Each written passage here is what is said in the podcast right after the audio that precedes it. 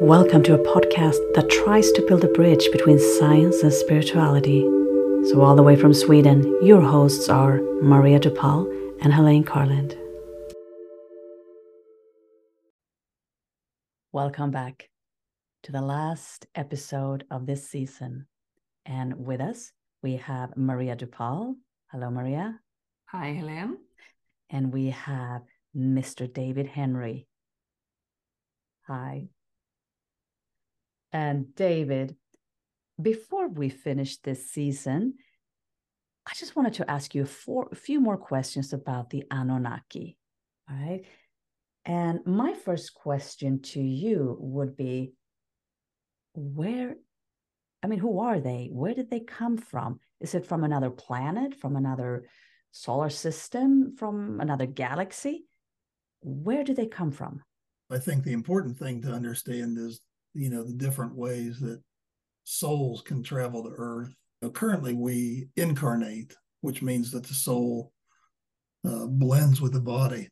In in the past the souls used to be able to come here and uh, manifest a form. So a soul would come directly from the spiritual dimensions and basically with with the energy vibration that's present on a planet uh, manifest a form that sounds really cool. It's like not having to be go through the birthing process.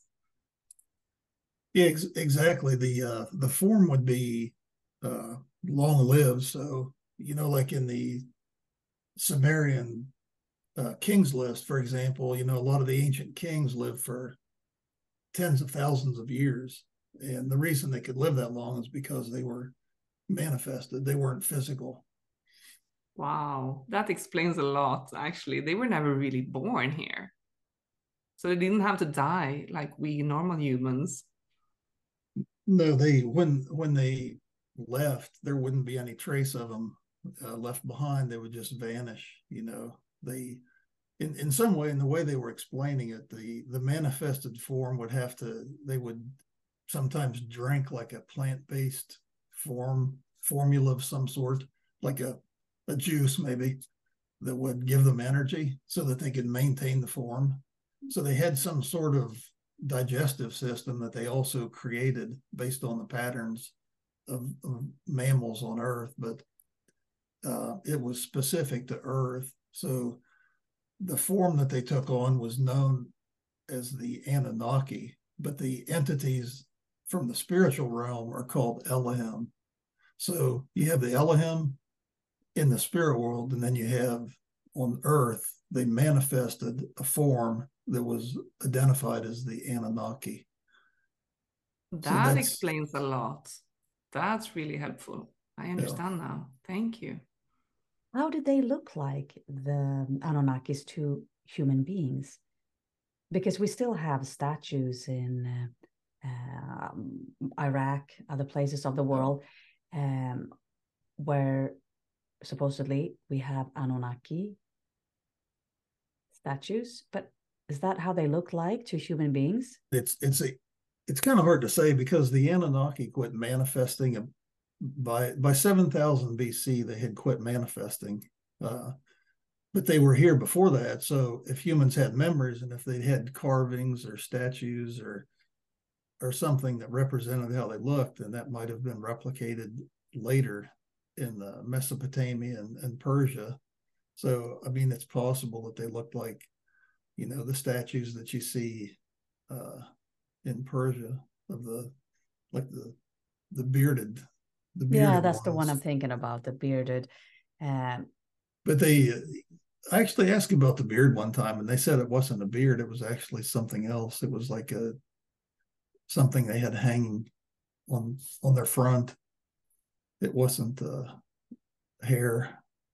Ah, because that beard keeps reappearing also in South America, correct? And the indigenous people over there normally they don't grow long beards, but there you have like uh, statues with actually male who look very Caucasian, by the way, and they have long beards. So, but ah, so you're saying that uh, the Anunnaki, as we think about them in Sumeria, that was not beard. That was kind of a maybe a decoration.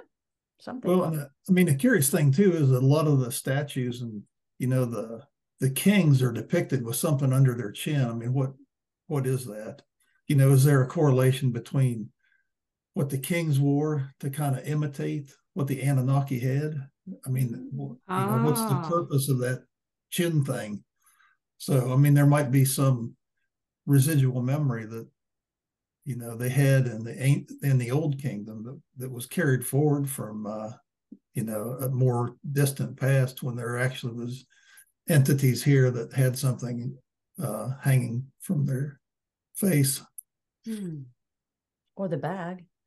Seems like uh, Mhm. you see both in Egypt and in Sumeria, you see this little purse like they're carrying around. It could also be like a memory, right? And they keep reappearing.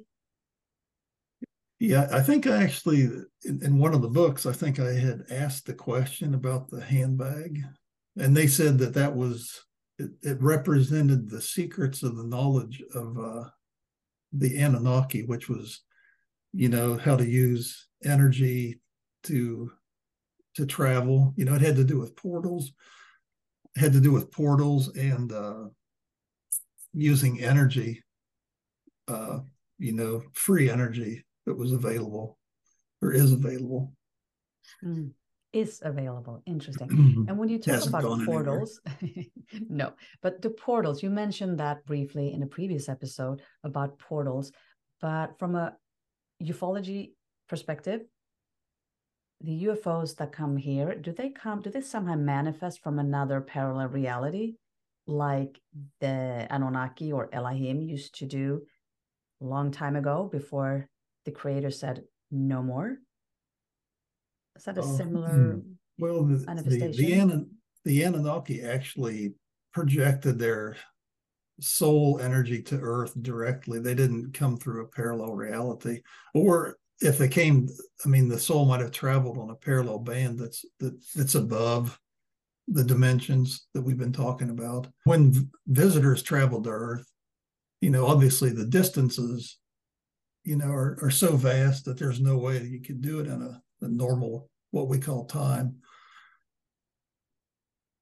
Right. And how do So we explain what- that? what- yeah. Well, what happened, and and this is the way they they explained the the travel. They say they travel on stellar time, you know, and stellar light waves. So they basically bend space, so two points are connected. So they don't actually travel, you know, from hither to yon. Space itself is isn't uh, is something that can be bent you know, like you'd roll up a sheet of paper. So they, you know, if they're leaving from one galaxy or some remote place to come here, they just they bend time and then they, they travel through the the connection. Interesting. Yeah, because you know NASA at the moment are saying, Mm. oh, there there are no UFOs, there are no uh, because it's not possible because of the great distances. So there Mm. there can't be any visitors because of the great distances. But it's just so ignorant because we don't understand the technology. We don't understand how it could be done. Yeah, just because you don't understand something doesn't mean it isn't true. I Yeah, mean, exactly. the and you know, I think the scientists got locked into this idea about a hundred years ago that time and space are are one entity. You know, it's space time. It's not space and time. And you know, we know that they're separate and independent, and they have properties that we don't understand. Yeah. So And also gravity. We have this concept that gravity is a is a constant, like it's the same everywhere. And I find it very interesting in your books that um, you know you say that gravity changes. It's different in Yeah, different parts of the universe. Well, gravity is an elemental force. Right. And, you know, gravity interacts with the vacuum field. Gravity is an independent um, element.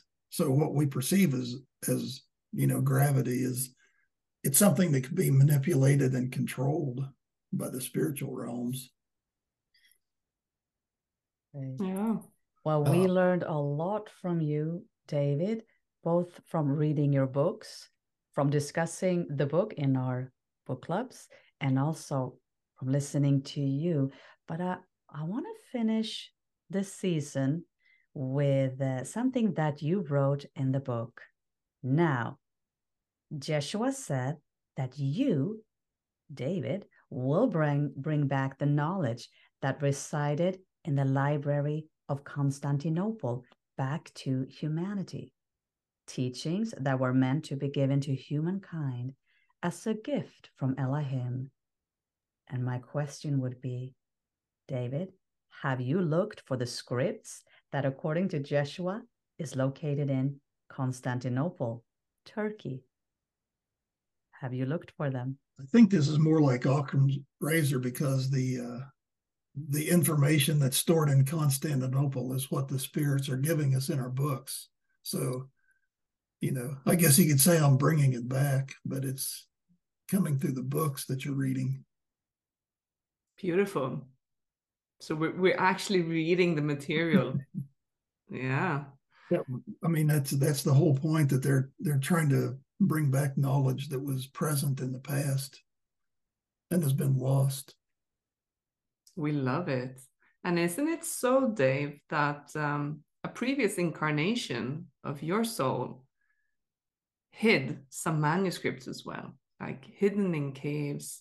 I think Tibet was mentioned, Constantinople. Like, is it you know true that you today could possibly go and open an old cave and find scripts and scrolls that you hid in a previous lifetime. I find that so mind blowing. Well, I'm uh, I'm almost certain that I couldn't do that. But I think if you put your Indiana Jones hat on and go on a quest, it might be possible. Well, I I think you know if the information is meant to be found, that someone will find it uh, yeah. and interpret it. But you know that's that's not the role that i'm supposed to be playing i'm i'm merely a scribe and the information if they want us to have it they'll deliver it to us in our books.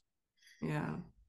It's easier it's much easier to do that work from your from your home from your Indeed. home currently in stockholm uh, behind the computer you know uh, than uh, than going on a quest. So yeah we love it. We love your work. Thank you so much for doing all of this and bringing it back.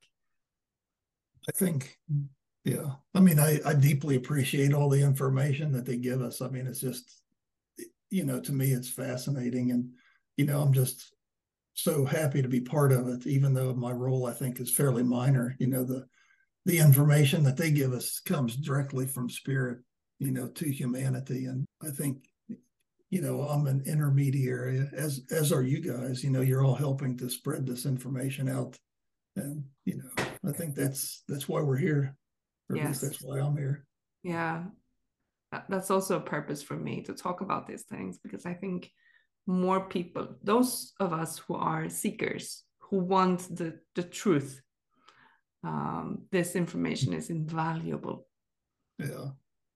I absolutely agree. I mean it's it it really changes the way you view the world and you view yourself and you know how you live your life or at least it should. And you know i think that ultimately is their goal is to help humans live better lives more meaningful lives. Yeah. Well said. And thank you for spending the time with us david and to christine as well. And uh, I talked to Christine and she said that the two of you uh, are willing to come back for another season. I Yay. hope she asked you because she said yes. Yay! And there are more future books to come. So, oh, yeah. I mean, mm. obviously, we'll have more topics mm-hmm. to cover. As we just yeah, covered we have... two. We want to talk about wave three. Yeah. And wave one well, as well. Mm-hmm. I'm currently just about to send wave four to the uh, editors and wave five is already compiled. I just haven't written anything, but the the transcripts are all done. So they're coming. Wow. We are so looking forward to that. Good news. Yes. Yeah. Well, thank you, David Henrie, for being with us. And I wish you good luck with the editing process. And um, I'll see you soon. Well, thank you so much, and uh, really enjoyed talking with you both. So appreciate the work you're doing. Thank you. Thank, Thank you. you. Bye bye. Bye bye.